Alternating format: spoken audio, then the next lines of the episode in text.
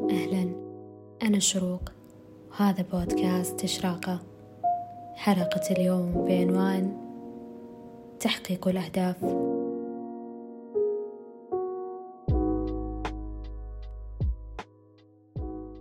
مع بداية كل سنة جديدة ندون أهدافنا مجددين مع هالهمة. ونرسم الخطة عشان تكون سنة الأمنيات وحصد الإنجازات بإذن الله. لكن في كثير من الأحيان ممكن يكون ثقل هذه الأهداف يمنعنا من التقدم تحقيقها.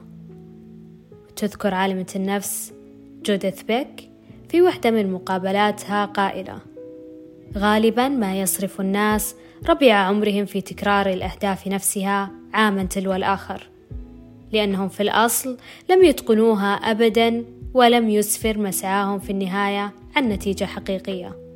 وعشان نلخص مقصد بك فالسبب الرئيسي لعدم تحقيق الأهداف هو طريقة التفكير الخاطئة في رسم الهدف وقياس واقعيته ودراسة تفاصيله. كل ما كبر الهدف بالمعنى والأهمية لصاحبه زادت المقاومة تجاهه والتشتت عنه والتسويف. فإذا جيت ترسم وجهتك لا تثقل نفسك بكم من الأهداف البعيدة عن الواقع. وارسم هدف معين وصب كل تركيزك عليه. وكاقتراح أفادني للأمانة. تقدر تشكل أهدافك على هيئة vision board بحيث تساعدك على تذكر هدفك دايما وتحفزك للسعي له لو أي إنسان في الدنيا قدر يحقق أي شيء أنا وأنت ممكن نحققها. بس في شروط. الشرط الأولاني تكون- تهمك. عايز تحققها تهمك فعلا تحققها. تاني حاجة تتعلم تحققها إزاي؟ تالت حاجة تحطها في الفعل.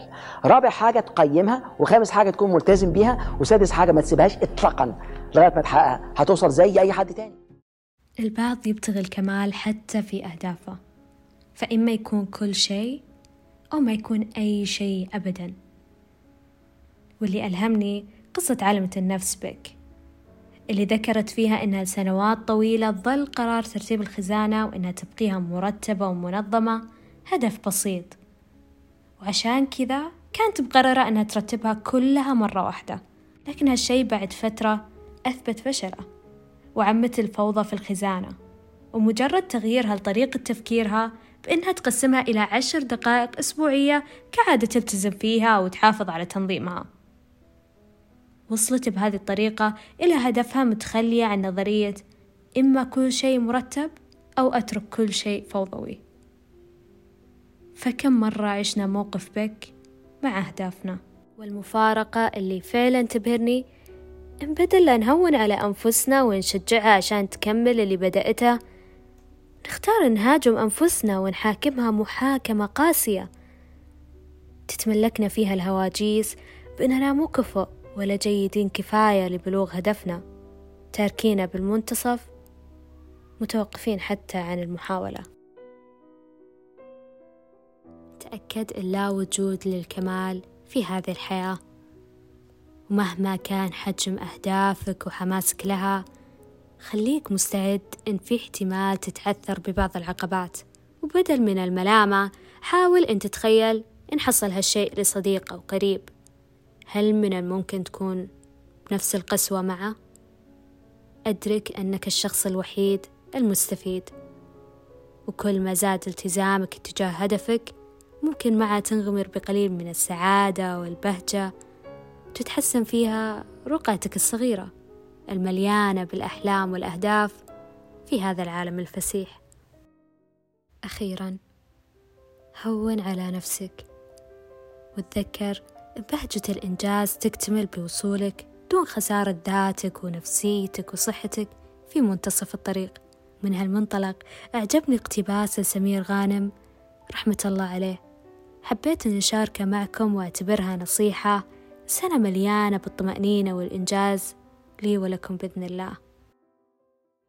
الدنيا حلوة وعجيبة قوي وتستاهل تستاهل إنك تعيشها. خد نصيبك كله. العب وذاكر واشتغل وحب واتجوز واتخانق كمان. ما تضيعش لحظة واحدة من عمرك تمتع بحياتك. ما تخافش من الناس ولا الضلمة ولا العفاريت حتى صاحب الناس كلها وحبهم كلهم. والعالم الغلسة غلس عليهم قوي. ما تخافش من نفسك. واعمل اللي يقوله لك ضميرك. فاهمني يا قد لما تفشل اضحك. اوعى تيأس. لو زعلت اياك تعيط. كونوا دائما مشرقين. يومكم سعيد.